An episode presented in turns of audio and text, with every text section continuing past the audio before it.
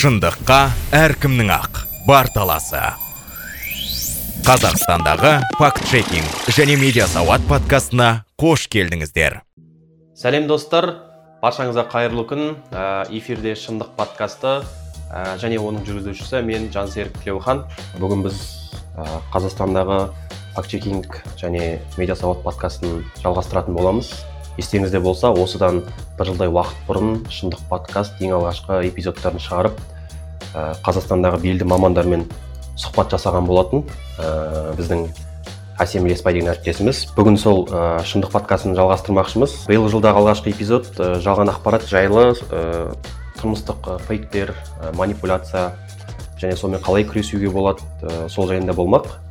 Ә, естеріңізге сала кетейік жобаны медианет халықаралық журналистика орталығы және конрад аденауэр атындағы қордың қолдауымен жүзеге асырып жатыр. Бүгін бізде алғашқы эпизодтың қонақтары ә, фактчек kz ә, ресурсының тілшілері журналистері төлеп маликов және ә, думан терлікбай. Қош келдіңіздер жігіттер. Қош көрдік. Қош көрдік. Жалпы қазір сіздерге сұрақты бірден бастайын.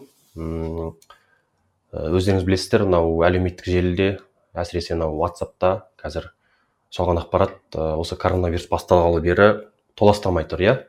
Күнделікті күнде біреу шығады оны сіздер жасайсыздар ә, оның рас өтірігін анық- анықтайсыздар иә? Екіншісі шығады одан кейін тағы деген сияқты. Сол проблема неде? Қалай ойлайсыздар? Жалған ақпарат неге толастамай тұр меніңше ә, жалған ақпараттағы бірінші проблема ол ым, қазір қазақстан халқының қарапайым өзімнің айналамнан алсақ ә, элементарно туысқандардан. Бізде билікке деген сенім аз деп ойлаймын біріншіден. Ә, екіншіден қазір ә, біздің халық биліктегі премьер министр болсын президент болсын әкімнің айтқанынан гөрі оларға өздерінің кумирлары бір ә, бір блогерлар ә, бұрын актерлар болсын қазір инстаграмда әншілер болсын вакцинаны жамандасын олар билікке емес соларға сенеді бірінші проблема сода деп ойлаймын. Мхм яғни ә, билікке деген сенім аз Иә, иә халықта. Иә сол ана андай ғой. Ә, билік мен ә, меніңше билік өзінің сенім лимитін жоғалтып алды да бітіріп алды да. Өйткені андай бір ертегі бар еді ғой. Қойшы бала ауылға күнде жау шапты жау шапты деп жүгіре береді. Халық сеніп қалып қашады сеніп қалып қашады. Бір күні шынымен ақ жау шапқанда ана. Халық қашпай қояды да сен өтірік айтасың деп. Бірақ сен шынымен жау шаба саласың сол сияқты не нәрсе да бұл жерде деші мне кажется енді сіздер ә, осы жалған ақпаратпен қазақстандағы күресіп жатқан ә, бір ә, азын аулақ әріптестердің бірісіздер иә? Ә, жалпы қалай күресіп жатырсыздар мысалға бір материал дайындайсыздар ол дайындағаннан кейін мысалы оны қалай сіздер ә, бөлісесіздер? Мысалы ватсап болса ватсапқа бөлісесіздер ме әлде сіздер ә, оны достарыңызға айтасыздар ма? Сондай процесс қалай жүреді жалпы? Ақпаратты тексеру процесі ма? Про- тексеру процесі тексергеннен кейін ақпарат дәлелдегеннен кейін соны ә, бөлісу процесі қалай болады сіздерде? Біріншіден ол қарапайым сайтқа жарияланады кейін әлеуметтік желіге.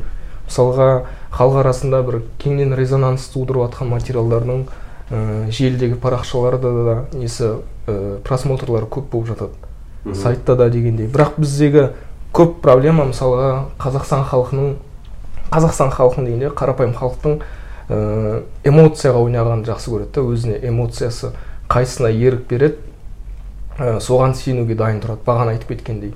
Биліктен гөрі бізге қарапайым блогер әншілер жұлдыздар сымақтарға соларға сенгенді ә, артық көреді бізге. Мхм.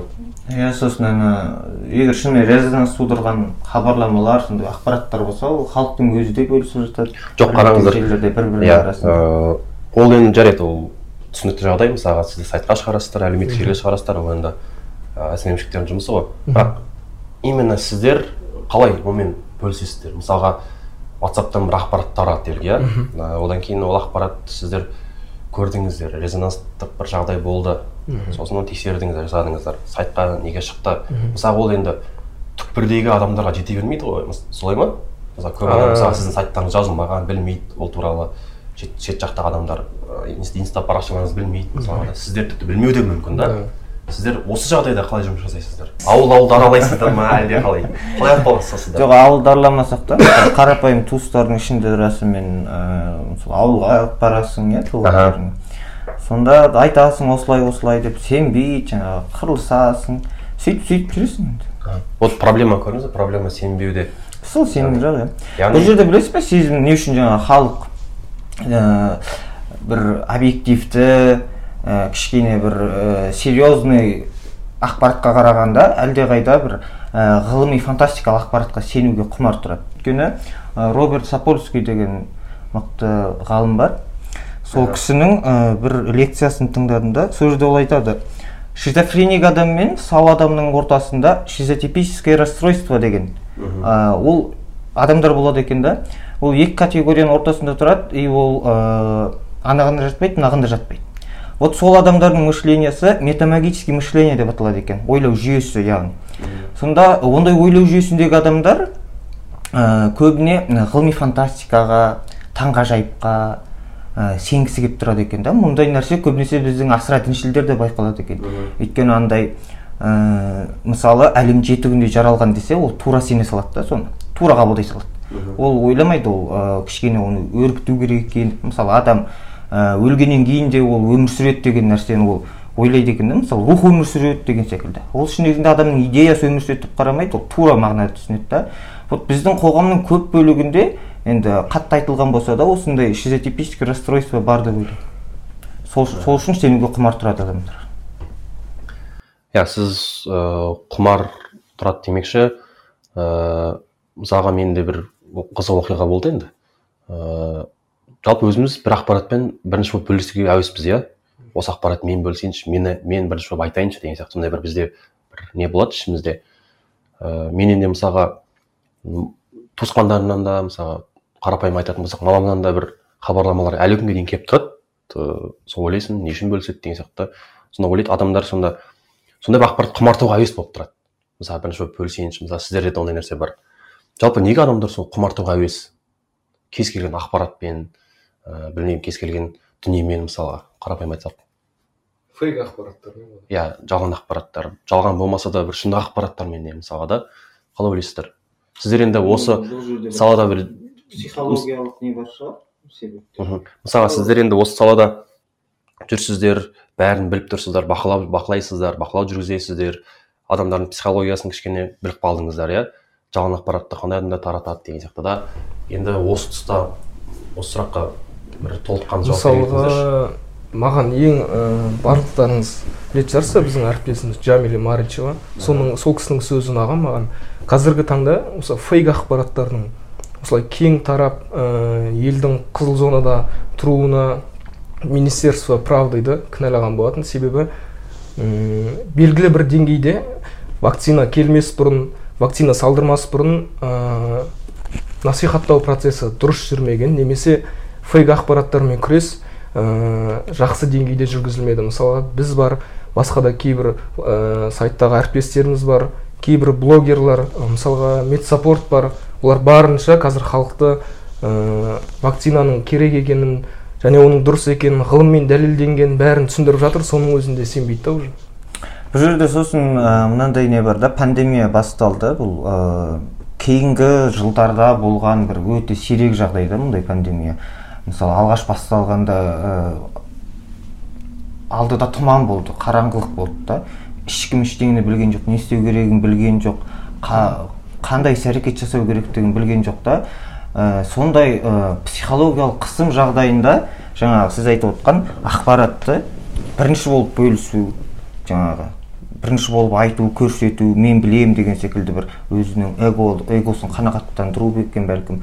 Сондай нәрселер әсер етті деп ойлаймын. Сол кезде де дезинформация мысалы дезинформация ғана емес мисинформация да сол кезде көп тарады өйткені сол жаңағы белгісіздіктің алдындағы қорқыныш та бұл жай ғана. Бірақ енді қазіргі кейінгі кезде қазір ә, жағдай сол алғашқы ковид он тоғыз басталғаннан өзгерді ғой. Қазіргі ә, дезинформацияны қарасаңыз да өзгеше ол кезге қарағанда әлдеқайда мысалы ол кезде көбінесе коронавирусты үй жағдайында емдеу туралы әртүрлі содымен чеснокпен жаңағы сарымсақпен лимон иә.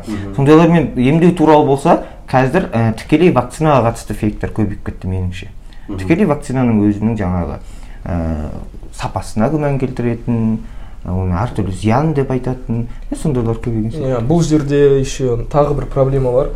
Ә, басқа әріптестеріміз ренжімесін бірақ ә, вакцинадан қайтыс болған туралы ақпаратты көбінесе қазіргі бақ ә, бұрмалап беріп жатыр да негізі оны түптің түбінде зерттеп қарасаңыз оның бір басқа ауру болуы мүмкін дегендей. Мысалға былтыр ақш та бір медсестра вакцинадан соң қайтыс болды деген бірақ ол қайтыс болмаған оның бұрыннан бір судорога ұстайтын ауруы да болған. Ол туралы ә, толық көрсетпей контекстсіз жібереді да. И содан кейін халыққа бұрмаланған ақпарат келеді. Аха. Ә, яғни сіздер айтып отқан бағана фейктер жалған ақпараттар олар уақыт өте келе кәдімгідей дамып жүріп отырады өзгеріп отырады. заман ағымына әлбетте өзгеріп отырады. иә. Иә. енді бағана сіз төлеп бір өзіңіз айтып кеттіңіз мемлекет ә, жеткілікті деңгейде бір жұмыс жасау иә жұмыс жасамай жатыр. Әсіресе осы ақпаратты беру жөнінен осы халыққа бір түсіндірме жөнінен аға.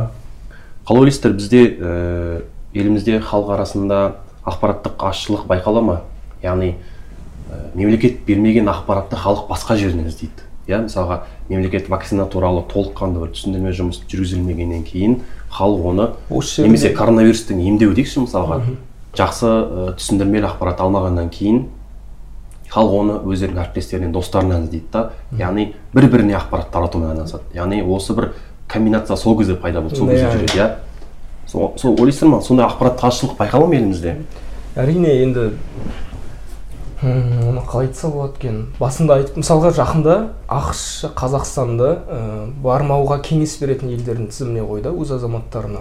Аха неге? Ә, себебі каз- коронавирусқа байланысты тоже. Яғни коронавирус өршіп тұрған мемлекет иә өршіп тұрған. Мысалға ол барлығы сол белгілі бір деңгейде дұрыс насихаттың жүрмеуі да.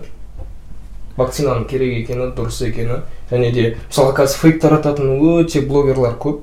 Бірақ оларға қарсы бір белгілі бір деңгейде. Иә, жоқ. осы, қызық тақырып иә блогерлер біздің басты фейк таратушылардың біріне айналды. Олардың аудиториясы бірақ барлығы блогер емес. дегенде сонда әлбетте барлығы емес. Мысалға біреуі бар. Ә, кеше ғана шоқан. Иә иә одан бөлек бұрын жайдарманда ойнаған қазіргі актер бар. Мхм. Жак атталиға байланысты. Иә енді блогерді тырнақша ішінде айтайық. Иә. Ә, олардың мысалы көп мыңдаған подписчиктері бар. Жаңағы жазылушылары. Солар негізі көбінесе фейк таратушылардың біріне айналды яғни олар өздерінің аудиторияларына бір жауапкершілікпен қарамайды иә? Әлбетте ол, ол адам болғаннан кейін кез келген жаңағы хотя бы болмағанда бес жазылушы болса да адам соның алдында жауапкершілігі деген сезіну керек қой. Ал мыңдаған жүздеген мыңдаған адамның алдында жауапкершілікті мүлде сезінбейді. Бұл жерде мемлекеттің де позициясы өте қызық та. Мысалы дезинформация жасап отыр. Тікелей қоғамдық қауіпсіздікке қауіп төндіріп жатыр олар. Бірақ мемлекеттің тарапынан ештеңе байқалмайды. Мхм. Ешқандай іс әрекет. Мхм. Яғни айналып келген кезде бағанағы блогерлердің өзі осы ақпаратты мен бірінші таратайын дегенде түсінік бар иә Иә, ол да иә, мысалы. сосын жаңағы мемлекеттік ақпарат жетіспей ма деп жаттыңыз ғой? Ақпарат жетіспейтіні жетіспейді жетіскен күннің өзінде иә халыққа жеткен күннің өзінде Иә. халық тарапынан сенімсіздік тағы бағана соны айналып келеміз Иә. да халықтардан А, бір сенімсіздік байқалады. Одан бөлек мысалға бізде қателеспесем тоқаевтың ба премьер министрдің бұйрығымен енді каналдарда да насихат жүріп жатыр да вакцинаның керек екені. Бірақ қазіргі айналамыздағы адамдарға қарасақ көбісінде ә, каналдарға деген сенім азайып кеткен журналистерге де сенім азайған. Иә журналистерге кәдімгідей кішкене қырын қарайтыны байқалады. Мхм мысалға бізде қазір каналдардан айтып жатыр. Радио мысалға газет журнал кез келген больницаға барсаң ауруханаға барсаң да ол жерден де айтып жатыр иә. Көшеден де айтады. Енді одан бөлек тағы қандай нені тартса болады қандай бір қоғамдық институтты тартса болады осы бір ақпаратты түсіндіру жөнінде ақпарат тарату жөнінде. Қалай ойлайсыздар сіздер мысалға былтыр бұл жеткіліксіз ба? Әлде осылар осылармен ақ біз түсіндіріп бере аламыз ба? Жоқ негізі меніңше бұл жерде халықтың өзінің ә, мәдениеті жалпы санасы қоғамдық сана дегендей нәрселер көп байқалды да сол кезде ше. Критикалық ойлау критикалық ойлау. Критикалық ойлау екінші уже второстепенный нәрсе секілді. Бұл жерде мысалы заң факультетінде оқып жатқан студенттердің өзі вакцина паспортын сатып алуға барып жатты да. Ең қорқынышты нәрсе. Мысалы ол бұл жерде көп проблема әбден бүйтіп- жиналып қалғанда көп нәрсе ше көп проблема үйіліп қалған. Мысалы заңды оқып жатқандар вакцина сатып алуға барды заңды өздері тікелей бұзып. Бірақ олар не үшін заңға барды деген сұрақ шығады ғой енді ше бұл жерде ше? Не үшін заңға барды? Бұл жерде жаңағы ә, шынымен заңгер болып жаңағы ә, бір ә, заңгерлік этика анау мынау деген нәрседен мүлде бөлек жай ғана м, диплом керек деген секілді түсінік бар да. Жай ғана диплом керек. Сол үшін заңға бара салды. Ол заңгер болғысы келмейді. Ол заңның не екенін білмейді олда ішкі тәртіп ішкі мәдениет. Ештеңе жоқ. Түсінесіз бе? Содан кейін проблема өстіп өстіп өсе береді қазір андай заман болды. Ғой ғылымға емес көршісінің достары айтқан адамдарға сенеді да адамдар. Халық көбінесе эмоцияға беріледі. Ә, эмоцияға берілген деген жақсы нәрсе да халық үшін қарап тұрсаң ше бір жаңағы бойға химия ұрады ашуланады адам іштей отырып жаңағы диванный батыр болып шығады. Отырып алып күйіп соны талқылап барлығы бір глобальный нәрсені талқылағандай болады да әлдеқандай жаңағы бір ортақ үкімет бар бүкіл әлемді қырғысы келіп отқан жаңағы ә, золотой миллиард па еді? Сондай бір миф бар ғой. Мынандай ә, қастандық теориясы. Иә мысалға қастан мысалы сол секілді да э, халыққа сол әлдеқайда ыңғайлы секілді? Ол шындық өйткені шындық деген қарапайым нәрсе ол. Неғып сенеміз деген сияқты. Тем более сенімін жоғалтқан ондай шын шын ақпаратқа билікке дегендей. Яғни ә, менің түсінгенім бойынша ә, билік тек қана шын ақпарат таратпайды деген түсінік те бар халықта әлбетте. Иә. Яғни ол- сол ақпаратты биліктің өзі бір манипуляция жасауы мүмкін деген сияқты ой бар иә. Коррупция өрбіген Иә. мемлекетте билікке деген сенім болмайды деген. Әлбетте. Иә. енді сіздер енді айтып отырмын ғой бағанадан бері. Бақылап жүрсіздер қарап жүрсіздер жан жақты әртүрлі саланы әртүрлі саладағы фейктерді жалған ақпараттарды тексеріп жүрсіздер. Енді осы тұста жалған ақпарат қай салада көбірек байқалады? Яғни қай тұста байқалады тарайды пайда болады мысалы. Мысалға қазір көбінесе ә, инстаграмда ашып қарасаңыз мысалға былтыр мынандай материал болды. Дүниежүзілік денсаулық сақтау ұйымының басшысы түнгі клубта билеп жүр деген. Сол кезде былай қарасаңыз түрі ұқсайды ана кісінің бірақ ә, түптің түбінде зерттеп қарасаңыз ол вообще бразилиядағы бір тұрғын ә, қалжыңдап твиттер парақшасына видео монтаждап салған. Воздың басшысы карантин шараларын сақтамай қазір түнгі клубта билеп жатыр деп оны қазір көбісі бөлісіп былтырғы уақытта. Одан бөлек қазіргі неде бұрынғы контексттерден ә, бұрынғы ә, елдердің лидерлары мысалға ә, муаммер каддафидің сөзін 2009 жылы біріккен ұлттар ұйымында ә, негізі айтқан әңгімесі мүлдем басқа бірақ инстаграмда былай таратты сол кезде. Ә, адамдар вирусты өздері жасап вакцинаны дайындап бірақ уақытты созып күткізеді дейді. Оны кейін адамдарға ә, сататын болады дегенде бір бір мүлдем басқа контекстта берген. Ал мысалға каддафидің ә, сол 2009-да біріккен ұлттар ұйымында ә, сөйлеген кезде ол мүлдем басқа нәрсе айтқан. Себебі бұрынғы тұмауға байланысты біріншіден. Екіншіден ә, вакцинаның сондай уақытта сатуға болмайтынын оның тегін болу керектігі жайлы айтқан. Енді бағана сіз айттыңыз ғой жалған ақпаратты біреу твиттеріне салыпты тағы біреу сөйтіпті мынау бүйтіпті деп. Мысалға сол таратып жатқан адамдарға не пайда? Айтыңыздаршы мысалға. Бір адам бір фейк шығарды иә өтірік. Бір видеоны алды да бір нәрсені алды қосып қосып әйтеуір білмеймін қандай кез келген видео болсын или бір нәрсе бір нәрсе емдейді деген сияқты фейкті алып таратты.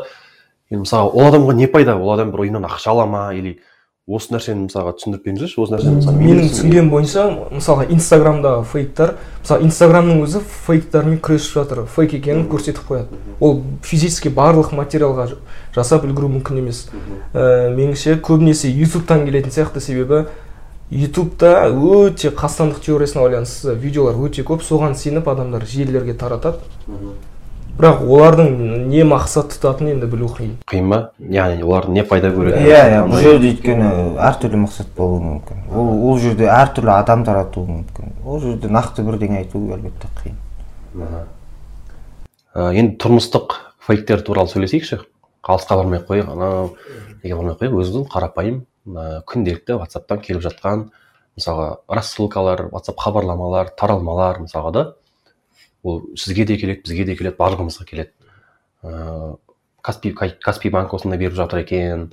Адидас өзінің бір бәлен жылдығына осындай футболка таратуда осындай опросқа сұраққа жауап берді өзіңнің неңді ал тезірек бол қарапайым осы бір тұрмыстық фейкке. Ыыы осы туралы сөйлесейікші жалпы. Тұрмыстық фейктер көбінесе сол мессенджер арқылы тарайды. Жаңағы содамен емделу керек анаумен емделу керек деген секілді. Мынаумен үй- мына мысалы- бұл тез тарайды бұл өйткені жаңағы туысқандардың арасындағы чатта достардың арасындағы чатта ауылдастар деген чатта тарайды мысалға былтырғы және олар сенеді бір біріне ше бұл жердегі басты проблема бір біріне сенеді. Ол ол ол манипуляция ғой тоже. мынандай менің бір танысымның танысы деп басталады да ол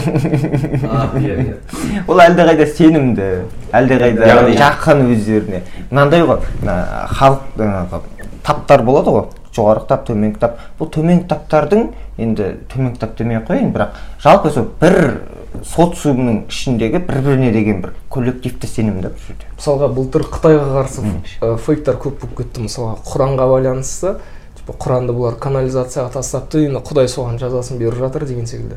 Бірақ ол қытайда емес вообще сауд арабиясында түсірілген сурет.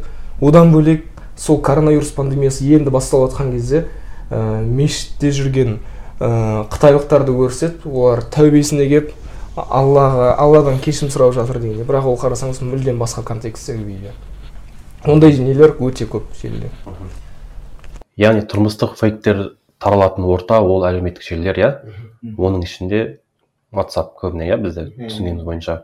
Жоқ иә шынымен мысалы тұрмыстық фейктер ә, мессенджерлер арқылы та- тарайды оның ішінде жаңағы ватсапта әсіресе көп тарайды дегендей әсіресе ватсап бәріне қолжетімді ғой енді өте ыңғайлы деген сияқты. Ә, бірақ та есте сақтау керек ватс- ватсап арқылы ешқандай ресми ақпарат тарамайды. Ешқандай бір ә, бір сенімді ақпарат тарайтын жер емес ол. Ол тек қана ресми ақпарат көзі емес. Әлбетте ресми ақпарат көзі емес ол. Содан кейін бұл жерде мен бір басты айта кететін нәрсе ватсаптағы ақпаратқа ә, ақпараттың жаңағы өтірік рас екенін анықтаудың ең басты бір ә, фишкасы бұл жерде ә, ватсапта көбінесе тараған ақпаратта эмоция басым болады да. Эмоция басым болған жерде ол жерде демек күмәнмен қарау керек деген сөз. Қатты күмәнмен қарап оны тексеру керек іздену керек ә, сенімді ресурстарды бөле білу керек деген сияқты ғой енді. Мысалға ватсапта андай ақпараттар көп. Қой он бес рет бөліссең осынша берілуі мүмкін деген. Ол көбінесе алаяқтардың бір ә, жеңіл өздеріне ә, адамды қақпанға түсіретін мекені ретінде ыңғайлы да ол. Яғни думан сіздің ойыңызша ватсап ресми ақпарат тарататын орта емес. Әлбетте. Мысалға бір ол тіпті сенімді ақпарат тарататын орта емес көбінесе. Мысалға өзіміздің қарапайым денсаулық министрін алайық. Ол өзінің сайтына жариялайды ресми ақпаратты. Фейсбукқа инстаграмға желіде иә. өздерінің парақшаларын WhatsApp- жариялайды. Әлбетте. Иә. Мысалға енді соңғы кезде ватсап фейсбукқа қарайды аха. Яғни цукерберг қарасты. Олар да бір күресудің жолдарын жасап жатыр ғой. Фейсбукта да максимум ватсапта да мысалға осындай осындай Есеп беріп жатыр Иә, конгрессте. иә, есеп беріп жатыр. Осы тұста қалай болды қалай болды сонда? Ватсаптың өзі күресіп жатқан күннің өзінде де осындай ақпараттар тарап жатыр иә? Сонда түсіндіре кетіңіздерші ватсап қалай күресіп жатыр осы ватсап дегенде қазіргі таңда енді фейсбук бөлек күресіп жатыр ол ә, жалған ақпарат болса жалған деп белгі қойып ал ә, ватсапта менің білуімше не бар? Ә, егер көп бөлісілген аудио болса фото болса текст болса ол ә, сразу уведомление қояды. Бұл ақпарат көп көп рет бөлісілген деп. Себебі адамда ал, ә, ақпаратты алған адам уже ойланады да кішігірім болсын. Бұл ақпарат не үшін көп бөлісіп жатыр дегендей. Вот сондай моментте с- әрдайым ресми дереккөзге сүйеніп ә, бір қорытынды шығару керек. Мынауыңыз жақсы идея екен шынымен аха. Мысалға маған бір ақпарат келді. Мен ақпаратты қараймын. Бір фото тұр әдемі. И соған бір мәтін жалғанған астында мәтін тұр. И тұрады да осындай бір ескертпе тұрады. Бұл ақпарат көп тарады деп аха. Яғни мен ойланамын неге бұл ақпарат көп тарады? Деген сияқты да мысалға. Иә бұл негізі жақсы әдіс екен шынымен де. Енді мынау халық арасында ыыы өзіміздің қарапайым сіздер қолданып жүрген терминдер бар ғой. Бағана айтып жатқан фейк дедіңіздер манипуляция дедіңіздер ыыы дезинформация бар м бағана конспирологиялық ойлар ыыы сонымен қатар. Білмеймін кез келген осындай терминдер халық арасында қалай түсіндіріліп жатыр? Халық оны қаншалықты біледі осы терминдерді? Кем дегенде фейк деген сөзді жақсы білу керек енді. Иә ол фейк жайлы түсінікті қалғандары мысалға. мысалға мен манипуляция жайлы түсіндірген кезде сұрайды ғой айналамдағы адамдар мен былай қысқаша ғана былай айтамын. Манипуляция ол шындығын асырып жамандығын жасыратын кездер болады ғой. Мен солай түсіндіремін қарапайым тілмен бір түсінгісі келген адамға. Мысалы ә, факт чектің өзінің ә, бірнеше терминдері бар. Жаңағы дезинформация мисинформация мысалы дезинформация ол, ол жерде белгілі бір мақсат болады. Халық халық дегенде жаңағы сол аудиторияны ә, аудиторияны ақпаратты әдейі иә қасақана бұрмалау ә, немесе жаңағы контекстін айтпай ә, негізгі бір жаңағы кликбейт секілді ақпараттың бір жерін ғана контексттен жұлып алып айту деген Бұрмалап сол арқылы бұрмалап жаңағы бір халыққа әсер ету. Э, жаңағы эмоциялық тұрғыдан басқа. Мисинформация дегеніміз енді көбінесе енді мисинформацияның да қазір бірнеше анықтамалары бар. Енді бірақ та жалпылама айтқанда ол ә, халықтың шынымен ақ иә белгілі мысалы сізге бір ақпарат келді. Сіз соған шынымен ақ сеніп басқа біреуге жібергеніңіз бөліскеніңіз. Енді сіз енді оны ол жерде бір қасақана қасақаналық жоқ та. Бұл жерде жай ғана сенім сізде немесе сіз бұны бейсаналы түрде жасайсыз. Жай ғана бөлісе саласыз. Сіз оның арты не болады нәтижесі не болады дегенді ойламайсыз. А сосын инфодемия деген бар. Инфодемия бұл ә, ақпараттық пандемия. Бұл да өте қауіпті нәрсе. Мысалы бізге ә, бізде тарап жатқан кейбір фейктерді қарасаң бұл батыс елінде тараған. Батыс жақта ә, еуропада америкада жаңағы ақшта сол жақта тарап тарап бізге орысшаға аударып жаңағы орыс тілді медиа кеңістікке кіріп кейін бізге келіп сөйтіп тарайды да Иә, бұлар одан бөлек сол аударылып келген фейктардың аудармасы қате екені көрініп тұрады сол. Әлбетте иә. Ол жерде қате қате. Ол жерде шатаспасам гугл аудармашымен аударады ғой. Деймін қате қате аударылады мысалы жаңағы ә, мрнқ вакцинасы модерна мен файзер вакциналары. Солар адамды генін өзгертеді деген секілді. Бізге мысалы вакцинаның өзі келген жоқ қызық нәрсені қараңыздар. Ол вакцинаның өзі келген жоқ бізге. Бірақ сол туралы фейкке бөлгерді да. Өйткені медиа бұл бұл жерде жаңағы ақпараттық ағын деген ол өте тез ғой. Тез тарайды. Қазір енді мына өздеріңіз білесіздер ә, смартфонның заманы аха. Ә, осы смартфон ә, пайда болғалы келгелі бері әрбір адам яғни журналисттің қызметін атқарады аха. Белгілі бір азаматтық бір өкілі бола алады да. Мысалға. Сондықтан смартфон арқылы андай болып жатыр мынандай болып жатыр деп орталықта бір нәрсе болса соны түсіріп деген сияқты да. Мысалы индиядағы оқиға секілді ғой. Бір блогер индияда бәрі жақсы каналдағы бәрі өтірік Иә, деген иә, секілді иә. видео түсіріп сөйтіп жіберетін иә сол кезде мысалы индияда шынымен ақ шатаспасам бір күнде вирус жұқтырған адамдардың 47 проценті үндістанның халқына тиесілі болған да сол кезде. Бір күн әйтеуір өткен күндердің бірінде дәл қай күн екенін ұмытып тұрмын бірақ та соны сол сондай ақпараттар тарап жатқан кезде фейсбукта ә, жаңағы белгілі бір адамдар бұл өтірік екен мына блогерді қараңдар үндістанда бәрі инстаграмда да блогер ешқандай жаңағы көшеде адамдарды өртеп жатқан жоқ. Бәрі жақсы. Бізде тым жаңағы ақпаратты ұлғайтып ә, жаңағы ойбай деп беріп жатыр деген секілді. Әлбетте ол бүкіл үндістанның бүкіл қаласында бүкіл жерінде әрбір нүктесінде жаңағы адамды қойып өртеп, өртеп жатпайды ғой. Мысалы ол блогердің өзін қарасақ ол бір үндістанның халқы аз тұратын вирус белгілі бір деңгейде көп тарамаған. Сондай бір жерде жүр екен да ол. Сол жерде түсірген өйткен бүйткен сол. Яғни былай қараған кезде фейктер өте көп иә. Аудармада болсын ә, кез келген дүниеде мысалға фейктер пайда болады аха. Енді сіздер ә, жалпы осы фейктермен дәл қазіргі уақытта қалай күресіп жатсыздар? Ә, қарапайым бір екі мысалмен келтірсеңіздер жақсы болатын еді мысалға. Ол мысалға қандай фейк тарады мысалға ұшаққа байланысты көп тарады ғой мысалы былтыр маңғыстауда вирус шашып жатыр адамдарға деп. Иә ол ол биыл да тарады қателеспесем түркістанда деген сияқты Иә, мысалға ол суретті бөлісіп қояды ол негізі ол пожарный самолет егер іздеп қарасаңыз. Ол пожарный самолет 2019 жылы калифорнияда өрт болған кезде сол кезде қолданған да. Сондай ә, суретті видеоны қойып қойып мына бізде вирус шашып жатыр деп қосып қояды. Еще кейбір адамдар барып видеоға түсіреді ғой сол жерге барып ше.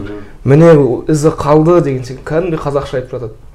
Ол деген ол жаңағыдай абсурд дүние да иә ол сол жаңа айтқандай қандай фейк тарады қандай ақпарат тарады. Сонымен ә, күресу жаңағы қай жағынан күресу керегінде сол кезде белгілі болады да. Мысалы жақында ә, AstraZeneca вакцинасы шатаспасам 2018 жылы шығарылды деген ақпарат тарады. Бұл жерде жаңағы дәлел ретінде ә, AstraZeneca вакцинасының ә, сыртқы қорапшасына 2018 деген жазып жазып қойған. Яғни соны дәлел ретінде бұл бұл қарапайым фотошоп мысалы қарап тұрсаңыз. Мысалға мысалы или басқа бір псевдо ғалымдардың сөздері тарайды.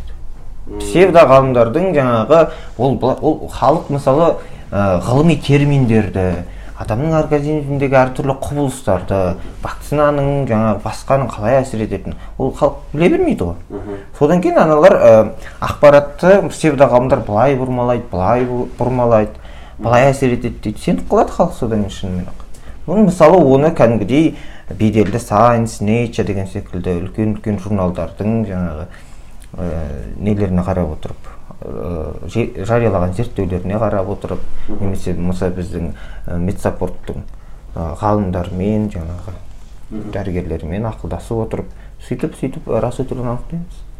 Мысалға ә, мына жердегі қарапайым логиканы алатын болсақ мысалға самолеттан вирус шашатын болса ол вирус шашқан мысалға бізде халық кімді кінәлайды билікті кінәлайды ғой. Билік те ақымақ емес қой мысалы биліктегі қарапайым адамдар өз өздерін уламайды ғой дегендей да мысалы и оның ә, историясы бұрыннан келе жатыр да мысалға. Бұрында да ақш-тағы факт чекерлер бұның ә, өтірік екенін жалған екенін ә, жазған болатын. Соның өзінде біздің елге ә, ағылшын тілінен аударылып болсын ә, тарап жатыр да әлі де бізде желілерде. Мысалға былтыр коронавирус пандемиясы уақытында италияда ә, не болды? Ә, ислам дінін қабылдап жатыр дегендей. Бірақ ол түптің түбінде қарасаңыз ол бұрынғы видео да мысалы гамбургте қытайдағы ә, мұсылмандарға қытайда мұсылмандарды қыспаққа алғаны үшін соған қарсы митинг болып жатқан кез. Бірақ оны басқаша жеткізеді да бізде.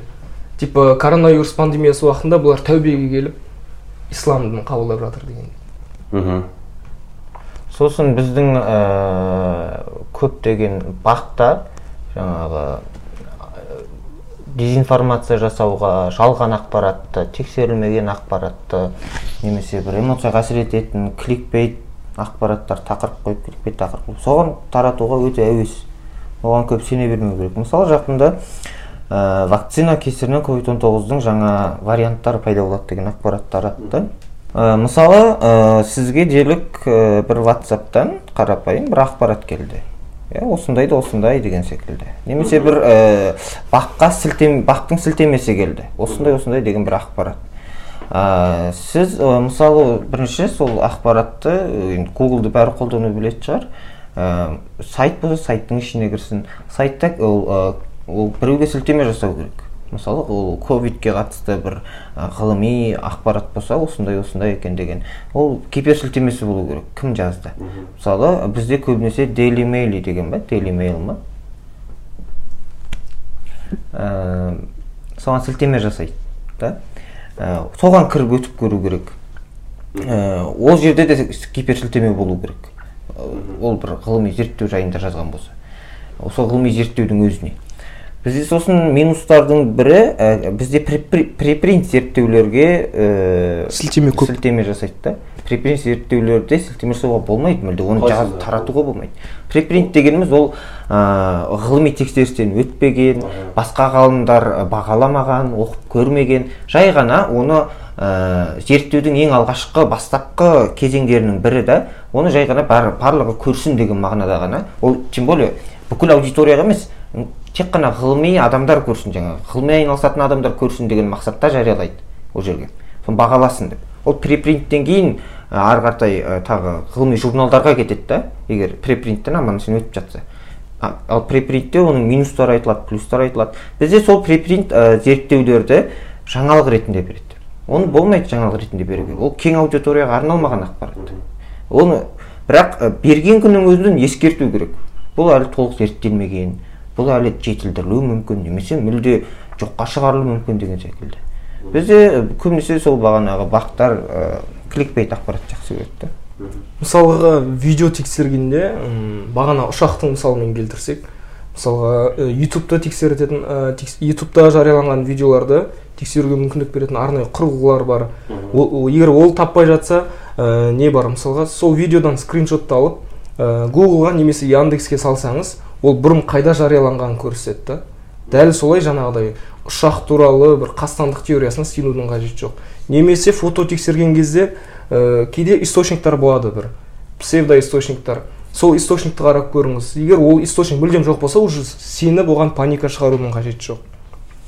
Иә сосын ә, мұндай ақпараттарда жарайды сіз жаңағы ә, сілтемеден сілтемеге өтіп өтіп өтіп келіп бір ә, дерек көзі таптыңыз да ә, ендігі басты сұрақ ол дерек көзге сенуге бола ма деген. Мысалы дүниежүзілік денсаулық сақтау ұйымы сенуге тұратын ұйым да. Ол өте болады оған сенуге. Ә, біріккен ұлттар ұйымына сену керек. Бұл бұған да сенуге болады. Немесе соның айналасындағы. Бұл жерде ә, жаңағы сіз ә, ақпараттың жаңағы дереккөз ретінде көріп отқан ұйым бар басқа бар оның репутациясына мән беру керек альтернатив ақпаратты көру керек сыни ой болу керек. Міне солай солай ақпараттың ақ қарасына жатып отырасыз ғой. Аха. Ә, рахмет жігіттер. Ә, уақыттарыңызды бөліп ә, осы бір тақырыпты талқылап ә, дискуссияға келіскендеріңізге ә, алдағы уақытта сіздерге жұмыстарыңызға сәттілік тілеймін. Ә, құрметті тыңдармандар естеріңізге сала кетейік ә, жобаны медианет халықаралық журналистика орталығы конрад аденауэр атындағы қордың қолдауымен жүзеге асырып жатырмыз. Ә, біздің жалпы шындық подкаст жобасының басты мақсаттарының бірі осы ә, қазіргі таңда жүріп жатқан ә, фейк ақпараттар жалған ақпараттар ә, сонымен қатар адам құқықтары ә, сонымен қатар вакцинация осы ақпараттарды толыққанды мамандармен сұхбат алатын боламыз. Алдағы уақытта бізбен бірге болыңыздар. Ә, сіздермен бірге бірге болған ә, жансерік тілеухан. Ә, көп көп рахмет. Ә, тыңдаңыздар оқыңыздар зерттеңіздер.